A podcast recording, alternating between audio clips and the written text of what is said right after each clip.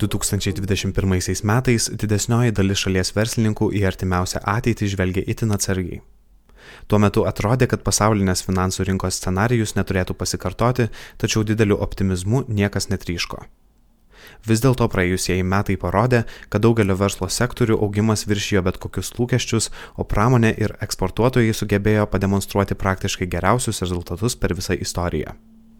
Remiantis statistikos departamento duomenimis, 2021 m. sausio spalio mėnesiais šalies pramonės gamybos apimtis buvo apie 90 procentų didesnė palyginti su analogišku 2008 m. laikotarpiu. Įten didelę pažangą išsiskyrė baldų, popieriaus, chemijos ir optinių įrenginių gamybos sektoriai, kuriuose pagamintos produkcijos apimtis išaugo nuo 15 iki keliasdešimties procentų. Lietuvos gamintojai per pastaruosius metus dar labiau sustiprino savo raumenis tarptautinėse rinkose ir eksportuotos produkcijos apimtis padidino dviženklių procentų. Pramonės dalis BVP struktūroje pasiekė ko ne 20 procentų. Ji dar niekada nebuvo tokia didelė. Finansavimo duomenys taip pat patvirtina plėtros scenarijų.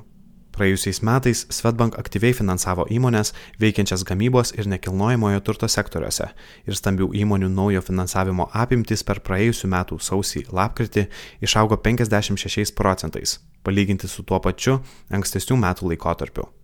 Smulkių bei vidutinių įmonių bei ūkininkų naujo finansavimo apimtis augo 55 procentais. Apibendrinant, Svetbank vertinimu galima tikėtis 5 procentų siekiančio BVP augimo, o šiemet apie 3,3 procentų plėtros. Visgi palankus šių metų augimo scenarijus šiandien dar turi klaustukų. Nepaisant sparčiai plintančios naujos koronaviruso atmainos Omikron, tiek Lietuva, tiek pagrindinės šalies eksporto rinkos yra kur kas geriau jai pasiruošusios. Pirmiausia, turime pakankamai didelį skaičių pasiskiepijusių ar persirgusių žmonių. Bendras imunizacijos lygis siekia daugiau kaip 70 procentų. Taip pat gera žinia yra ta, kad netrukus turėtume sulaukti antivirusinių vaistų, kurie gerokai palengvins sunkiausių atvejų gydimą. Junktinių Amerikos valstijų banko Goldman Sachs analitikų vertinimu, plintančios naujos atmainos poveikis ekonomikai siektų tik trečdalį to, ką matėme per pirmąją viruso bangą. Pernai verslas Lietuvoje ir pasaulyje susidūrė su netiesioginiais viruso iššūkiais - pasauliniais tiekimo grandinių sutrikimais, prankstančiais energijos šaltiniais ir žaliavomis bei darbo jėgos trūkumu. Nors sutrikimų tiekimo grandinėse buvo galima tikėtis, panašu, kad jie truks ilgiau negu buvo manoma iš pradžių. Dabar prognozuojama, kad didesnė dalis tiekimo problemų turėtų išsispręsti antroje 2022 metų pusėje. Viena vertus, šalies verslui tai reiškia poreikį įvertinti daugiau rizikų, geriau pasiruošti netikėtumams ir atsargiau prisijimti įsipareigojimus dėl užsakymų. Kita vertus, tai galimybė perimti dalį užsakymų iš tolesnių rinkų ir toliau išnaudoti gamybos sugrįžimo į Europą tendenciją, ką kai kurie verslininkai sėkmingai darė jau pernai metais. Dar vienas iššūkis pramoniai ir verslui - aukštos energijos kainos. Nors pasibaigus žiemai jos turėtų kiek sumažėti, Baltijos šalių regione ir toliau bus jaučiamas elektros trūkumas. Lietuva šiuo metu pasigamina tik apie trečdalį jai reikalingos elektros energijos. Elektros poreikis pereinant prie mažiau taršių energijos šaltinių ir toliau sparčiai didės, todėl didelės jos kainos gali tapti ilgalaikiu galvos skausmu įmonių vadovams. Aukštos elektros ir kitų energijos šaltinių kainos verslą dar labiau skatins ieškoti energinio efektyvumo sprendimų. Ilgainiui tai gali būti naudinga, padės mažinti emisijas, prisidės prie šalies tvarumo tikslų, skatins investicijas į atsinaujinančius energijos šaltinius.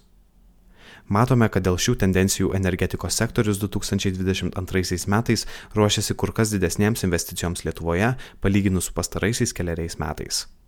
Trečias iššūkis yra darbo jėgos trūkumas ir dėl to sparčiai didėjančios darbo sąnaudos. Viena vertus tai mažina įmonių konkurencingumą ir jų pelningumą. Kita vertus, tai skatina įmonės investuoti į našumo didinimą, automatizuotus sprendimus ir aukštesnės vertės produkto gamybą. Iš Svetbank klientų pavyzdžių matome, kad savo srityje lyderiaujančios įmonės geba mokėti konkurencingus atlyginimus, investuoja į technologijas ir gamina aukštos kokybės produktus. Šiais metais darbuotojai išlaikys savo darybinės galios pranašumą, vidutinis atlyginimas šalyje sparčiai didės, todėl verslas toliau turės rūpintis veiklos efektyvumu. Yra pakankamai didelė tikimybė, kad šiais metais labiau pajusime ir Lietuvai tenkančių geopolitinių išbandymų kainą.